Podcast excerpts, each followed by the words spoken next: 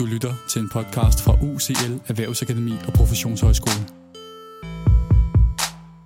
Hvad kendetegner det gode studieforløb? Hvor meget kommer digitalisering til at fylde i fremtidens studieforløb? Og øhm, hvilke gode undervisningserfaringer fra coronakrisen kan bringes videre? Det har jeg inviteret Michael, som er daglig leder af FabLab, og øh, Jakob, som kommer fra forretningsudvikling, service og oplevelsesøkonomi, til en snak om. Velkommen til Lises læringsteknologi. Velkommen til jer to. Jeg tænker, at det kunne være dejligt for vores lyttere, hvis I uh, ganske kort vil præsentere jer.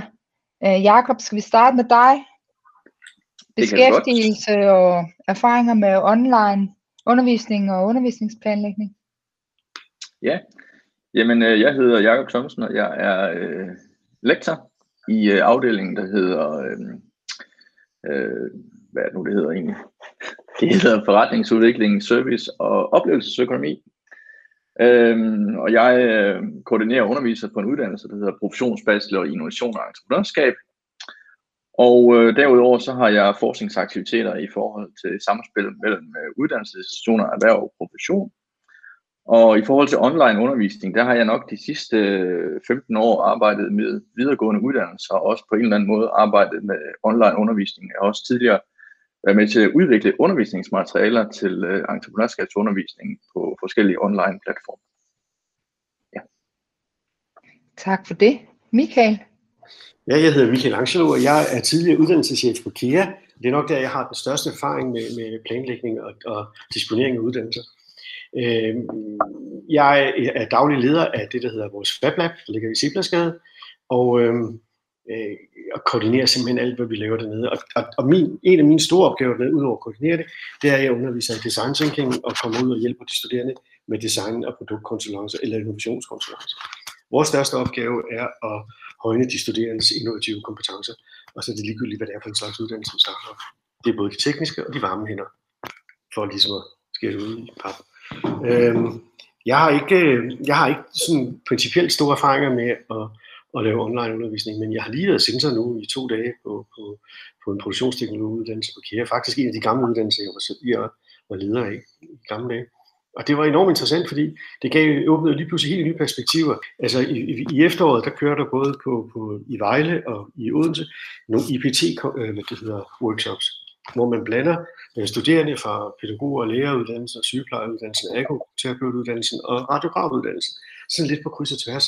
Øh, men de foregår samtidig, fordi de ligger i deres studieordninger samtidig. Og det er jo enormt svært for mig at være begge steder på en gang. Det kan jeg rent faktisk nu. Nu vil jeg faktisk gå ind og tilbyde online øh, undervisning og konsulence til de studerende, der sidder over i Vejle, samtidig med at jeg sidder i FabLab og kunne tage imod de studerende, der kommer ind øh, i FabLab. Og det giver, jeg ser det pludselig som nogle helt, helt nye perspektiver og nogle nye åbninger for, hvordan vi kan komme til at agere og være hele FabLab, eller hele UCL's FabLab. Inden at vi øh, fortaber os i detaljerne og eksemplerne, så kunne jeg egentlig godt tænke mig at høre fra jer kloge mennesker, hvad, øh, hvad er det, der definerer et godt studieforløb? Fordi når vi skal snakke om omlægning af studieforløb og tilrettelæggelse af studieforløb, så bliver vi jo ligesom nødt til at vide, hvad vi taler om for det gode øh, studieforløb for de studerende. Hvad tænker I om det? Mit perspektiv på det gode studieforløb, det er helt klart, at øh, der hvor der er samspil mellem øh, teori og, og praksis, hvor der er en vekselvirkning mellem teori og praksis, der er det et rigtig godt studieforløb, og det er der også forskningsmæssigt belæg for, men det er også det, vi kan læse ud af vores, øh, vores evalueringer fra de studerende. at Der, hvor den største og den bedste læring har været, det er, hvor der har været mulighed for at afprøve øh, den teori, man har i øh, praksis. Øh, derudover så tænker jeg, at øh, det gode studieforløb er struktureret ved, at der er en øh, synlig høj faglighed, sådan at det ikke kun handler om praksis, men det samtidig er knyttet op på noget evidensbaseret øh, forskning, øh, så der er en struktur, som man kan genskabe, når man støder ind i den næste situation som, øh, som studerende. Dermed med, så tænker jeg også, at øh, elementer om, at man har studerende, som er præget af nysgerrighed og er mulighedssøgende øh, øh, og handlingsparat og på sin vis har entreprenant adfærd, i hvert fald det er noget af det, vi forsøger at fremme i det studiemiljø her, men det tænker jeg også gælder for de studerende, som Michael taler om, der blandt andet øh, deltager i, øh, i at øh, man ser det som et frit læringsmiljø, hvor man har mulighed for at begå fejl i praksis, og samtidig også kan få testet sin øh, faglighed i den sammenhæng. Jeg er helt fuldstændig enig med Jacob. Altså, der er ikke noget, det, er jo, det, er jo, det der med at få evidensbaseret forskning ind, er jo rigtig vigtigt. Det er den ene ting. Den anden ting er, at, at, at både Jakob og jeg bærer præg af, at vi kommer fordi det uddannelsessegment, der er praksisnært altså, vi, vi har lavet praksisnære uddannelser i, altså jeg har lavet det i al den tid, jeg har arbejdet i undervisningsbranchen, har det været praksisnære uddannelser, og det synes jeg jo er enormt prisværdigt. Og der, der, uden at jeg vil forklare noget, hvad der foregår øh, andre steder i øh, UCL-regi, så vil jeg sige, at det er i hvert fald nogle af de ting, som vi kan give med videre, det er den der praksisnærhed, den praksisnære tilgang. Som, og den oplever vi jo, at, at den, den kan godt være meget forskellig fra uddannelse til uddannelse. Men jeg tænker, at den der praksisnærhed, den kendetegner jo både de gamle professionsuddannelser og de erhvervsakademiske øh, uddannelser. Sundhedsuddannelserne er jo i høj grad også praksisfunderet. Ja, det er korrekt. Hvis man ser øh, studieforløb som sådan en hel uddannelse, øh, så er det også min vurdering, at øh, der er brug for progression i, i uddannelsen, kan man sige, sådan at øh, det så at sige bliver sværere og sværere. Det gør mange af vores øh, professionserhvervuddannelser også, fordi de ender med enten en øh, klinik eller en, øh, en praktik. Og øh, der er det især vigtigt, at de indledende øh, semester, at vi har ligesom prøvet at føre de studerende ud i nogle situationer, der minder om den praktik, de skal hen i. Fordi hvis vi er i den teoretiske verden, alle semester op til de skal i klinik eller praktik, jamen, så får de da godt nok øh, noget af et chok, øh, når de kommer, kommer ud i praksis. Så altså progression i forhold til det der studiemiljø, i forhold til det samspil mellem øh, erhverv og profession og uddannelse, det ser jeg også øh, øh, som meget vigtigt, så vi bygger dem op til at kunne indgå i den praksis. Så det kan man sige, det, det tror jeg er rigtig vigtigt for, for hvis man ser på sådan et samlet studie. Øh, ja. Så sådan en simuleret virkelighed, simuleret praksis? Nej, ikke simuleret, den skal være rigtig.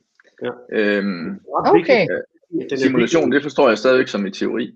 Ja. Øhm, altså, hvad skal man sige, i forhold til bygningskonstruktører, struktører for eksempel, jamen der skal de, når de laver en tegning, så skal den have feedback fra en praksis, hvor den kunne have været anvendt, hvis det er en mm. iværksætter, som jeg arbejder med, jamen så den der business angel pitch, jamen der skal vi have et investorpanel, som kan fortælle dig, om det er skidt eller kanel, du har, har tænkt der. Øhm, hvis det handler om at opfinde nye dims, eller man har bygget ned i, i FabLab, jamen så skal du ud og snakke med nogle brugere omkring, hvordan man kunne sætte den her i anvendelse, så man får den der nærhed til, til praksis. Øhm, og hvis man er i gang med at forsøge, at man gerne vil låne nogle penge, jamen, så den, der giver feedback ud over underviseren, jamen, det kan lige så vel være en bank, der fortæller dig råt for udsødet, hvordan han ser de der budgetter, om det har nogen gang på jord. Så øh, jeg vil sige, simulering, det, øh, det er udmærket, men det skal være praksis øh, afhængigt, øh, eller kontekstafhængigt, kan man sige. Michael, du sidder lige så høfligt med en finger op. Jamen, det er fordi, det har jeg lært. Jeg er nemlig en høflig mand, som jeg bor i København. Nej, prøv at høre, jeg, jeg har fantastiske øh, gode erfaringer med at bygge et helt studie op, hvor vi sagde, at det, det, vi rammesætter det bare. Vi siger, I skal lave nogle opgaver inden for nogle bestemte rammer, men, men I skal, for at I kan få godkendt de her rammer, for at I kan få godkendt jeres opgaveformuleringer, så skal I simpelthen ud og finde nogen ude i den virkelige verden, I kan sammen med. Jeg vil lige sige, det er altså ikke mig, der sidder og snorker, men jeg har en syg hund siddende ved siden af mig, som lige er blevet opereret, og han snorker altså højlydt. Og derfor så, hvis en gang kommer et snork derovre så er det altså, kan I se ham? Det er, ja, men øh, den er, det er også sådan en, der snorker den der, Michael. Så det, ja. det er afsindigt. Nå, men, men, men, men, men vi har rigtig gode erfaringer med at sige, at allerede efter de første 14 dage, så fik de faktisk et lille puff, eller et lille spark, om at sige, nu skal I simpelthen ud og finde nogen, I kan arbejde sammen med. Og, de, og det var for opgave til opgave. Så havde vi det rammesat det sådan, så de arbejdede først 14 dage, så tre uger, og så, så blev det så mere og mere. Det vil sige, at der blev hængt mere og mere og mere på, af det, der lå i studieordningen på deres opgaver, og flere og flere krav.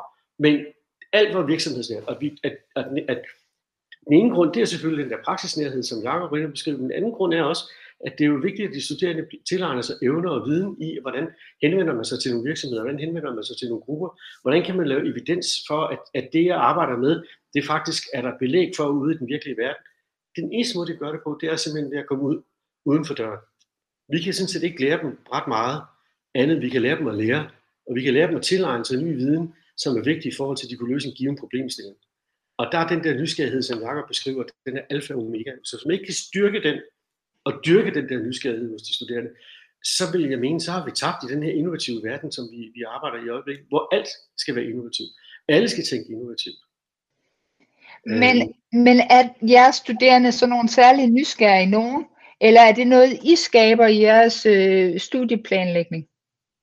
Altså jeg havde det jo sådan, så, så hver gang jeg kom ind i et rum i gamle dage, da jeg selv var ung studerende, så når jeg så et bord, så var jeg nede og kravle under for at se, hvorfor ser det sådan ud? Hvordan, hvorfor hænger det sådan sammen?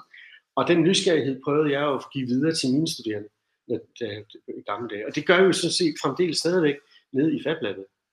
Når vi nu snakker om den her med, med, med den praksisnærhed, så synes jeg også, det er vigtigt at holde fast i, at praksisnærhed er, er jo også en tværgående disciplin. Og det er enormt vigtigt at se på, at det ikke bare er de enkelte uddannelser, at det ikke bare er lærere, der sidder og arbejder med, øh, Øh, hvordan laver de undervisningsplaner, når de kommer ud i folkeskolen, men at de også prøver på at se, hvordan kan vi grave andre fag ind i det her, hvordan kan vi lære nogle andre, hvordan kan vi lære radiograferne, eller hvordan kan vi lære, hvordan kan lærerne lære af IT- og elektronikteknologerne, eller automationsteknologerne. Alle kommer til at snakke Industri 4.0, om, om, eller burde snakke Industri 4.0, automation og digitalisering lige nu. Og, og derfor så er det jo enormt vigtigt, at vi har de der tværgående øh, spor. Der er vores workshops rigtig, rigtig godt bud på det, men vi kunne gøre meget mere. Og der synes jeg, at hele den her digitalisering, som vi sidder og arbejder med lige nu, hele den der virtuelle øh, hvad det hedder, undervisningsform, den giver jo nogle muligheder for at kunne lave noget på tværs, som vi ikke har set før. Hvordan vi kommer til at, øh, at føre det ud i livet, aner jeg ikke, men jeg håber, at der er nogen, der griber bolden og, og vil drible med den, fordi det er jo en fantastisk mulighed, vi har fået nu. Nogle fantastiske erfaringer. Det vi kan som undervisere, det er, at vi kan øh, orkestrere og stille muligheder til rådighed for vores øh, studerende. Øhm, og så skal de gribe dem. Men der er jo lidt forskel på, hvad det er for nogle muligheder. Så igen det her med progression, hvis man har de øh, lavt hængende øh, frugter først, øh, kan man sige, så vi tager dem et sted hen i et trygt øh, miljø, hvor de kan præsentere deres idéer for sparring. Og altså man kan sige, øh, det med det gode studiemiljø, eller studieforløb, det handler også omkring øh, underviserens evne til at anerkende de studerende i der, hvor de er, og rose dem, øh, når de gør noget godt, men også udfordre, når de, øh, hvad hedder det, øh, ja, skal man sige, måske er på vej i den forkerte retning, kan man sige, eller prøver du at afdække det, eller de skal selv have lov til at lave de fejl. Det skal i hvert fald ikke være mig, der fortæller mine øh, iværksætterstuderende, at det der, det har ingen gang på jord. Det synes jeg selv, de skal have lov til at erfare, for så tror jeg, det sidder bedre fast. Øh, eller de er den erfaring rigere. Men altså, en nærværende underviser, det er også alfa og omega i forhold til, til studieforløbet, der også ser de studerende i den seriøse rolle, som de er i. Hvordan kan man bruge det online-miljø til at fremme den her nysgerrighed for eksempel? Er der noget der, hvor I tænker, mm, det giver faktisk nogle muligheder? Det skal rammesættes på en, på en, på en måde, som så at, at det bliver en del af curriculum. Altså, fordi hvis det bliver sådan noget frivillighedsbasis, så er jeg ikke sikker på, at det kommer til at løbe. Vi lever alle sammen i en verden, hvor der er rigtig mange ting, der bliver krævet rigtig meget af os, både i og uden for vores studie, så, så vi gør det, vi skal, og, og, og ikke ret meget mere. Altså, nu tænker jeg på, hvis man var studerende. Øhm, vi gør selvfølgelig anderledes, fordi vi underviser. Ja, ja, naturligvis. Altså, vi er enormt. Øhm, ja, ja, ja, men, men, men øh, og derfor, derfor så tror jeg på, hvis, hvis man rammesætter det nu og laver nogle mange, mange flere workshops, som, end dem vi har gjort tidligere, nu har vi mulighed for at gå ind og sige, at vi vil gerne lave en workshop omkring øh, fremtidens læringsrum, for eksempel. Lad os tage det som udgangspunkt. Og det vil sige, der kan vi drage IT- og elektronikteknologerne, vi kan drage datamatikerne, vi kan drage bygningskonstruktørerne, vi kan drage lærer, øh, ergoterapeuter, kunne for den sags skyld komme ind også. Altså vi kunne drage alle mulige interessante ind og sige, hvordan kan vi gøre det? Så kunne man virtuelt lave nogle oplæg, hvor man gik ud i meget større grupper, end vi er nu, end at jeg står og holder et oplæg omkring design Så bliver det meget bredere. Og, og, og så kan man jo øh, melde ind og så sige, at det var et bud, det var fremtidens læringsrum. Jakob han kommer så og holder et oplæg om noget andet. Og så har vi nogle slot, altså hvor vi siger, hvert efterår i uge 42 eller i uge 41, øh, der holder vi, siger vi, der ligger vi skemafri for alle tredje semester for eksempel og så blander vi, øh, øh, øh, laver de her introduktioner, og så går vi i gang med at lave det. Det, der er problemet, det er, at hvis vi skulle lave det rent fysisk og sidde sammen fysisk alle sammen, så vil der ikke være plads til det noget sted, og så bliver det sådan ligesom endnu event, og hvilket jeg ikke, ikke skal forklare eller endnu run, eller endnu addiction, men de bliver nogle mindre små øh, enklaver. Men det her med, at man siger, at alle tredje semester, de arbejder på tværs, de skal vælge sig ind på et eller andet, og, og så foregår det online, noget af det, noget af det foregår i grupper, og jeg, jeg ser nogle fantastiske muligheder. Jeg har ikke helt 100% styr på, hvordan det skal orkestreres endnu, og hvordan det skal styres, men, men jeg er sikker på, at hvis vi nedsætter en gruppe, så vi sagtens kunne finde ud af det. Men, men jeg tænker lidt, at det, at det er praktisk, øh, god nok grund til at køre sådan noget online? Nej, men, men, men, men det, er jo ikke kun, det skal ikke kun være online, det skal jo også være fysisk. Altså, vi skal jo mm. også være der. Øh, men, men, men jeg kunne nå mange flere mennesker. Der er, en, der er nogle historier fra USA, fra, fra Midtvesten, om hvordan, hvordan nogle af de der prædik, øh, hvad det hedder, religiøse radioprædikanter, de i virkeligheden lige pludselig bredte sig ud over et kæmpe område i øh, sydvest øh, USA, i, som, som de ellers ikke havde gjort, og havde fået et kæmpe øh, boom ud, eller kæmpe, kæmpe skare. Og på samme måde er det her, ikke fordi jeg er religiøs, og ikke fordi jeg vil have nogen, der skal følge mig, men, men man kunne i virkeligheden sprede sig meget længere ud blandt de studerende, end vi gør i dag. Ja. Og det tror jeg på, og der er, der er mange positive kræfter på, på UCL, og det, det er jo dem, der skal i spil. Det er jo dem, der kan bære det. Jakob har jo helt ret. Hvis du ikke har nogle positive, øh, eller positivistiske folk, der sidder derude, som gerne vil, så går det hat og briller, ikke? Det bliver tøj. Jeg er næsten enig med dig, Michael. Men øh, du prikker til noget af det, som øh, jeg ikke øh, tror på. Øh, det er det der med de korte forløb. Jeg plejer at beskrive dem lidt som at køre over øh, Lillebæltsbroen, når det blæser.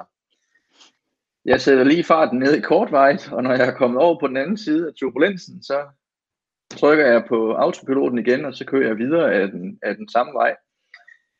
Dermed ikke sagt, at man ikke skal gøre det, øh, men de skal have massiv, vedvarende øh, undervisning i de der øh, områder. Så for mig at se, så skal entreprenørskab og innovation og de ting, som vi begge to er meget enige om, det skal de bare have for fuld skue alle sammen. Jamen, jeg, jeg, jeg, jeg, heller ikke, jeg afbryde. Jeg er absolut heller ikke uenig med dig. Jeg er helt enig. Jeg siger bare, jeg ved, hvad der er, at, at det kan være supplement til den der... Øh, ikke? Det her, det, ja, det er rigtigt. Det er Men rigtigt. hvorfor er det, de korte forløb ikke virker?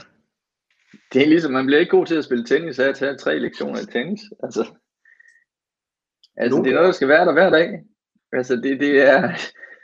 Det er, det, du er nødt til at træne det og gennemgå det for at blive, blive god til det. Altså det er, og det er svært, og det er mega svært at arbejde tværfagligt. Øh, altså bare det at have forståelse for andres praksis. Altså det er jo, altså det, det, det er virkelig, virkelig, altså man kan sige, det er en god træning i at forstå og indlære empati øh, som jeg tror øh, er noget af det, man måske burde øh, have endnu mere på skoleskemaet til at forstå andre, fordi det er helt sikkert, at gevinsten ligger i samspillet mellem erhverv, eller imellem forskellige øh, uddannelser. Men hvis de ikke forstår hinanden, øh, ja, så kommer det til at gå hver sin vej, og det skal man måske bruge lang tid på at finde ud af. I forhold til dit øh, spørgsmål omkring, øh, hvilke erfaringer vi har fra den der fysiske nedlukning, øh, så synes jeg, at man skal rose UCL's IT-afdeling i forhold til den infrastruktur, der var parat til at tage 700 undervisere fuldstændig online med det samme. Så hvis vi ikke havde haft den der, jeg ved ikke om man kalder det infrastruktur i IT-sprog, men infrastrukturen og det der LMS-system og noget indhold og en åbenhed til, at øh, jamen, om du vil bruge Skype eller Google Meet eller WhatsApp eller Zoom eller hvad du vil, så gør du bare det. Så der var tillid til de undervisere. Men hvis vi ikke havde haft de der øh, læringsobjekter og inspiration på LMS-platformen, så tror jeg godt nok, det havde været noget sværere, end, øh, end det var. Øhm, så det, jeg har blandt med for den fysiske nedlukning, det er, at min organisation står bag ved mig, øh, og har forståelse for at støtte mig i den udvikling, jeg har brug for som underviser, fordi der var noget opdateret content, og hvis man var lige ved at fare vildt der i øh, et eller andet sted i, i Meet, eller hvordan det nu var, jamen så kunne man altid søge hjælp. Og det kan godt være om to år, når vi er blevet endnu bedre til at arbejde med digitalisering, så skal der stadigvæk være hjælp, og der skal stadigvæk være opdaterede læringsobjekter, som jeg kan søge hjælp på. Så vi skal sørge for at blive ved med at udvikle øh, kvalitetslæringsobjekter, som andre kan lade sig inspirere af, og bruge i den sammenhæng, som de finder vigtig. Men der er en ting, jeg synes, der er enormt vigtigt her, det er, at jeg, jeg har også hørt mange sige, at, at det her det kan let gå hen og blive en spareøvelse, og det må det for guds skyld ikke. Ja. Altså det er jo ret vigtigt at holde fast i, at det skal jo ikke være sådan, at det, vi, skal ikke, vi skal ikke gå den her digitaliserede vej, fordi at det skal være en rationaliseringsøvelse. Fordi så tror jeg på, så, så bliver det surt, ikke? så kommer vi til at miste noget. Jeg tror ikke på, at vi kan klare os gennem, jeg tror, at vi, skal, vi er nødt til at have den der, den anden øh, kontakt. Og en af grundene til, at jeg tror, at vi kan få tilfredse studerende nu, du sagde et eller andet om, at de fleste studerende havde følt, at, at, øh, at, at vi havde været mere omsorgsfulde som undervisere i den her periode, end vi ellers havde været. Det er jo fordi, at vi har været der. Altså, hvis vi nu havde været færre studerende eller lærere og undervisere, der skulle have klaret det samme, så er det jo ikke sikkert, at de har siddet med samme opfattelse. Så derfor så tror jeg, det er ret vigtigt, at det ikke, ikke bliver set som et spareperspektiv. Øhm, hvad var det, du spurgte faktisk om noget helt andet? Altså, du spurgte om... om øh... Hvilke erfaringer vi havde fra den fysiske nedlukning. Men jeg vil sige, det er jo faktisk ikke kun her, det er jo faktisk i hele verden, altså hele samfundet, han har sagt, hvor den her øh, digitalisering kommer ind. Jeg tror, vi kommer til at have nogle helt andre øh, måder at, at, at være sammen på og løse problemer på. For eksempel lige da det lukkede ned, så sad jeg og, og, og kiggede på, min kone og jeg kiggede på hinanden, der gik jo ferie i den. Altså, yes, nu skal vi have drinks, og nu fik vi chips, og vi fik lækker mad, og drak lækker rødvin og sådan noget. Og, og lige pludselig så mange, hvor er alle de andre henne? Og så begyndte vi at holde sådan nogle, nogle Zoom-aftener, ikke? hvor vi sad øh, seks forskellige par, hver forskellige steder i, i, i Danmark, og, og skålede og snakkede med hinanden, og vi kunne sidde en hel aften og have sådan nogle Zoom-selskaber. Det var ret mærkeligt, at det var fremmedgjort og virtuelt, og en underlig dystopisk verden at sidde i, men, men det fungerede. Og det tog faktisk lidt at trykket. Nu er der faldet lidt mere ro på. Men, men i starten var der mange af sådan nogle ting, der opstod som sådan noget øh, tilfældigt. Og sådan tror jeg også, det kommer til at foregå her. Men det er jo vældig, vældig interessant i forhold til studenterperspektivet, fordi jeg har jo en 18-årig siddende derhjemme, og hun har ikke brugt de her miljøer overhovedet i sin fritid. Hun har stadigvæk træet frem og tilbage i lejligheden som et løve i et bur, og ikke kunne finde ud af at mødes virtuelt. Hvordan kan vi hjælpe de studerende med at få den der tilgang til, at, at man faktisk godt kan bruge medierne på en anden måde, end det de tidligere har gjort? Jamen, det tror jeg, at øh, man blandt andet kan gøre ved ikke at overdrive brugen. Hmm. Øhm, fordi lige så vel som øh, der kan også være læring, eller der er læring i at læse i en øh, fysisk bog, dermed sagt, hvis man gør det i 8 timer om dagen, så, øh, så tror jeg også, at øh, kvaliteten af indlæring, den falder markant. Men og samtidig også, hvis man skal sidde foran en skærm, som vi sidder nu, i 8 timer, så kan jeg faktisk godt forstå, at man ikke har lyst til at sidde ved den efter klokken 16, hvis man sidder der mandag, tirsdag, onsdag, torsdag, fredag. Øh, og det kan man sige, det er også en af tingene omkring de her øh, nye muligheder, som opstod gennem digital undervisning, kan man sige. Det er, at øh, hvis man skal se sådan lidt hårdt på det, jamen, så er det endnu en skruetrækker i værktøjskassen for, for underviseren, som vi nu bare er blevet ekstremt god til, øh, fordi at der ikke er mulighed for fysisk øh, undervisning.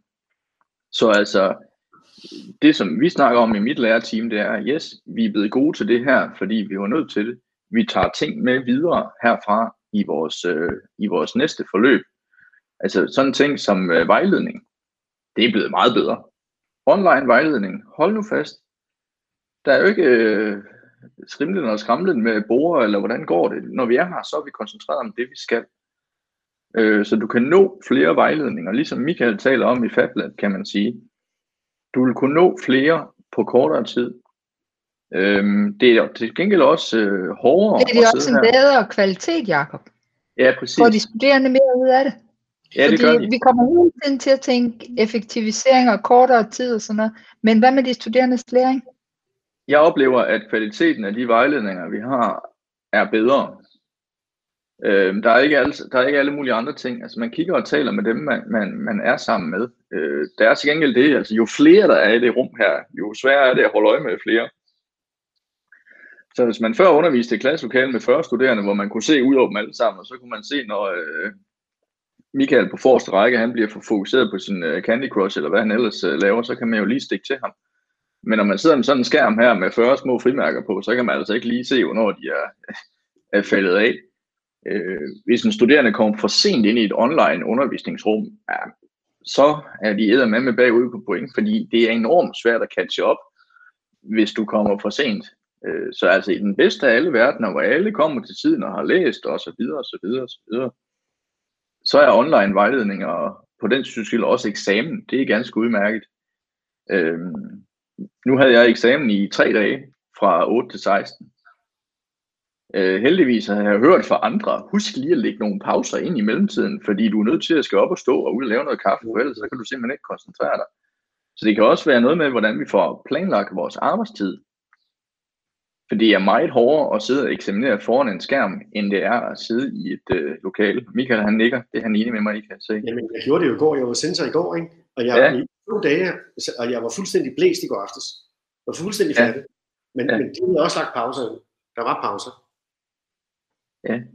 Men hvis der ikke er de der pauser, så er det simpelthen øh, for hårdt, og det handler især om kvalitet, fordi nummer tre studerende skal have lige så god eksamen som nummer 16, eller nummer 9 for den sags skyld, hvis det er bacheloreksamener, øh, som har længere vejhed. Jeg synes også, at I har fuldstændig ret. Det der med pauser er enormt vigtigt. Ikke? Altså man går fra det ene online-møde til det andet, øh, Ja. og klokken er lige pludselig to, og man har ikke haft den eneste pause. Ikke? Fordi normalt så går vi jo hen et andet sted og holder nummer to møde, og et tredje sted og holder det tredje møde, og når lige omkring kaffemaskinen på vejen. Men er det, det er jo også nogle, nogle, en læring, som vi skal tage med til vores studerende. Ikke? Lige præcis det der med at ikke udsætte dem for at sidde her øh, i mange timer i træk, men også lave andre aktiviteter med dem. Altså jeg kan huske, jeg har også lavet noget, sådan noget her tidligere, men, men der var det noget med, øh, som, som Jakob siger, pauser. Der var ikke, der, jeg, havde ikke, jeg havde ikke tid til pauser, men vi rejste os op, og så hoppede vi lidt rundt, og øh, lige pludselig sang vi en sang, eller gjorde noget andet. Øh, og det tror jeg er vigtigt, men, men pauser er, er jo, altså, vi har jo alle sammen brug for pauser. Det er jo ikke, det er, jo- det er, jo, det er jo, det er jo ikke for sjov, at vores undervisning er delt op i 45, øh, lektioner på 45 minutter. Der er jo en, en, grund til det. Øh, Ja. og, og, og de rammer kan man så bryde. Man kan også lave dem om. Altså, men, men, men vi bryder dem jo nogle gange. Det gør, det gør Jacob garanteret også. Altså, det kan jeg ikke forestille mig andet. Som underviser, at vi nogle gange siger, okay, men altså, hvor jeg fuck de der 45 minutter, nu kører vi, nu kører vi 90, ikke? Altså, Ja. Altså, og, Det er og, det. det giver også nogle gange god mening. Ja. Men altså, jeg, jeg, jeg er helt sikker på, at hvis vi skal trække noget op i det her, så vil jeg sige, at der er helt sikkert nogle, nogle rigtig gode erfaringer, der er blevet høstet under Det er i hvert fald det indtryk, jeg får. Øh, jeg tror, det, at det breder sig til andre steder end bare til vores øh, uddannelsesverden eller vores egen lille verden. Det bliver mange steder. Altså for eksempel kunne jeg forestille mig at møde med banken, som Jacob nævnte før. Det kunne lige så godt være virtuelt nu, end det kunne være alt muligt andet. Så det vil sige, at det er meget lettere at få fat i din bankmand øh, nu, end det, det nogensinde har været før. Øh, skattevæsen på samme måde. Øh, øh din, din, øh, din læge. Prøv at tænke dig, hvordan man kan lave... Øh, altså, i forbindelse med UUH's øh, etablering nu, der snakker de jo enormt meget om øh, ude på, på, på Sund, at øh, det er kun 50% af patienterne, der ryger med på, på UUH. Resten skal hjem og være i primærsektoren. Det vil sige, at de skal være derhjemme, og de skal ud i nogle små behandlingshus et eller andet sted. Så det vil sige, der begynder man at snakke telemedicin. Men hvis hele samfundet ikke er indstillet på den her omvæltning af omkalfatring, så er det enormt svært. Men det er vi nu. Lige pludselig er vi jo faktisk et skridt længere fremme. Mm. Så vi begynder at sætte de der ting op. Og det der med telemedicin, eller det der med at snakke med, med alle mulige, det bliver meget lettere. Mm. Jeg har det som om, jeg er med i en science fiction. Ikke? Jeg kunne så godt sidde på Mars. Jeg kunne så godt være en del af Elon Musks projekt øh, om at bygge øh, en ny base op på Mars og bo deroppe, og så stadig snakke med min mor, der sidder i Holbæk eller i Lyngby. Det er så et spørgsmål, om man kan snorke med hunde med der. det ved jeg ikke. Jeg håber ikke, han er så meget med. Hvis vi skal prøve at binde en sløjfe til noget af det allerførste, I sagde, der var noget af det, der kendetegnede det gode øh, studieforløb. Det var det her samspil mellem teori og praksis, og det er jo også lidt det, du siger nu, Michael. Øhm, de praksiser, I omgås normalt, kan de også øh, fungere i det online-miljø? Ja, det kan de. Så man kan sige, at noget af det, som øh, vi særligt bruger, altså det er jo sparring for erhverv. Øh, og det kan man sige, nu sidder vi her, i stedet for en, øh, en bankmal, eller en business angel, eller en, en virksomhedspræsentation, jamen der kan iværksætteren, eller den person kan jo blive i sin praksis, i stedet for at skal valgfarte ind på, på Seblersgade for at bruge øh, fire timer i transport, eller to timer i transport på det det kan lige så vel øh, finde sted online her. Øh, og der kan vi jo tilrettelægge undervisningen, sådan at de studerende ser det i grupper, eller de ser det i plenum, eller de ser det individuelt, eller vi har optaget det, og de ser det på forhånd, eller, eller lignende. Altså elementet af live øh, virker som om, at det er rigtig godt, fordi noget, der er optaget, og man ser senere, ja, øh, det, det er ikke sikkert, man får det gjort, fordi det kan man altid gøre. Øhm, så altså live gør rigtig meget, og det vil jeg også sige med, nu ved jeg, at mange af mine kolleger har optaget deres undervisning. Og så har de sendt det ud til nogle andre. Altså, jamen, de har sendt det ud til nogle andre. Jamen, dem du har sendt det hen til, er de fuldstændig identiske med dem, du lige har holdt oplæg til. Det svaret vil nok være nej. Det er de ikke. Så det der med at, at genanvende videomateriale på nogen, jamen det synes jeg er sådan set, øh, jo, det kan du godt, men det må bare aldrig stå alene. Fordi at øh, autenticiteten i forhold til din undervisning, det er de mennesker, du taler til, og ikke en linse, du taler ind i.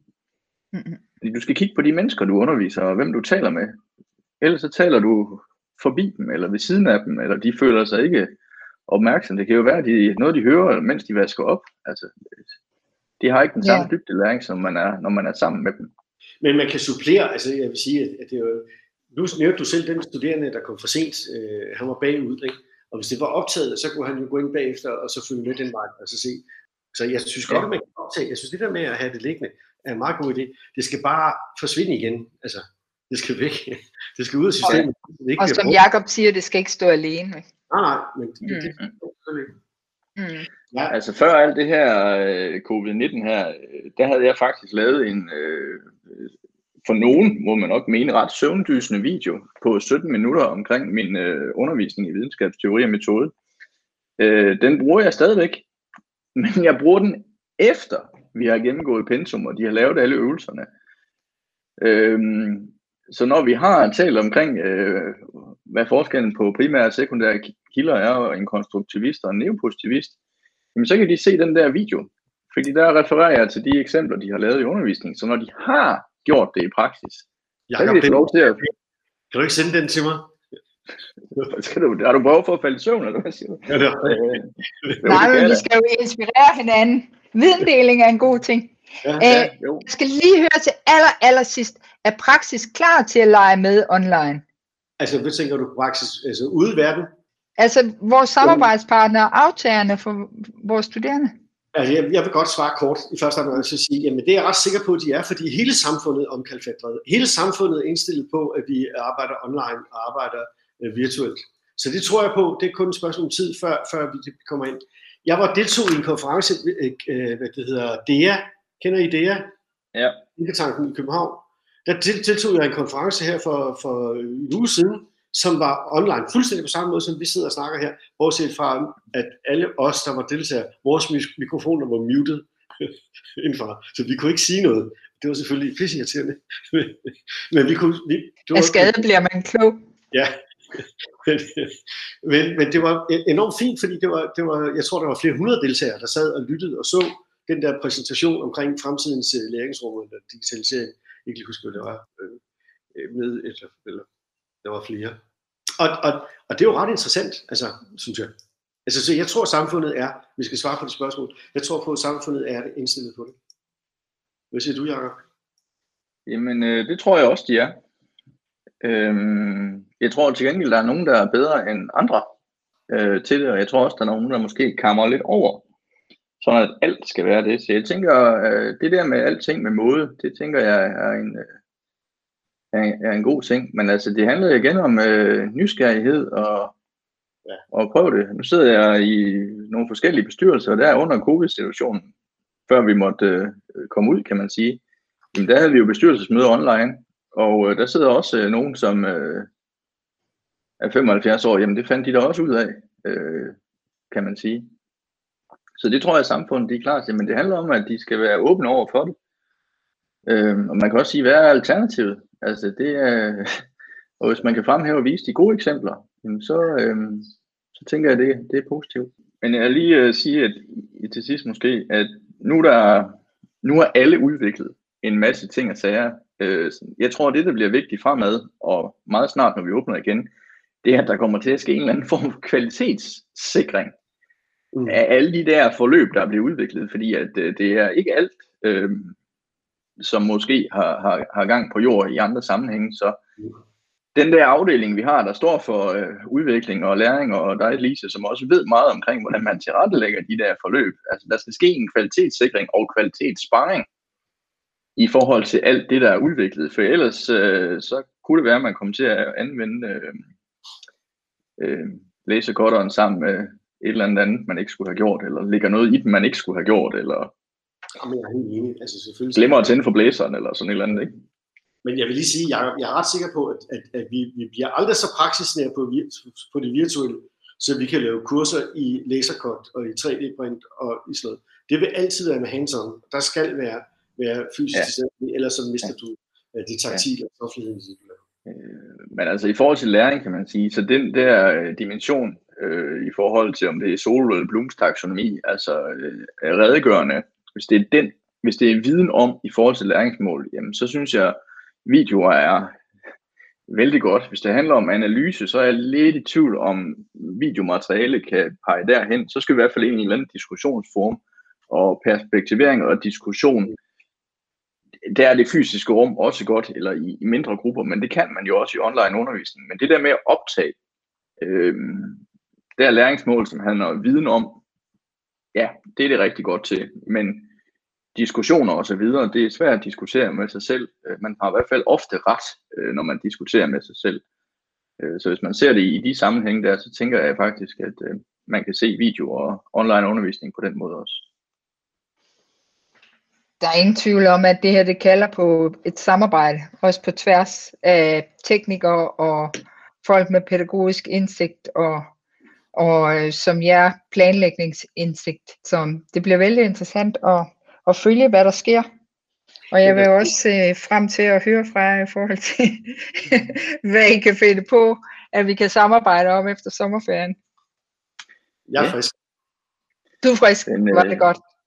Det er noget med, at øh, jeg har for lige fået godkendt øh, tre øh, digitale læringsobjekter, så det tror jeg, at vi kommer til at samarbejde om, Lise. Det gør vi. Det gør vi. Jeg skal til møde om det om en halv time. Okay. Ja. Ja. Michael, det, Michael, det er jo med uh, Teachers Games, uh, så det kommer nok også til at handle om, uh, om Fab Lab.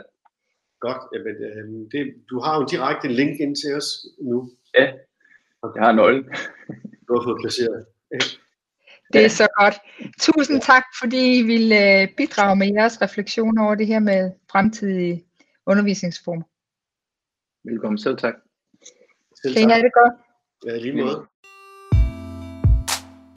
Tak til Jakob og tak til Michael og tak til hans hund. Afsted med dem ud og planlægge fremtidens gode studieforløb. Det her var den sidste podcast inden sommerferien.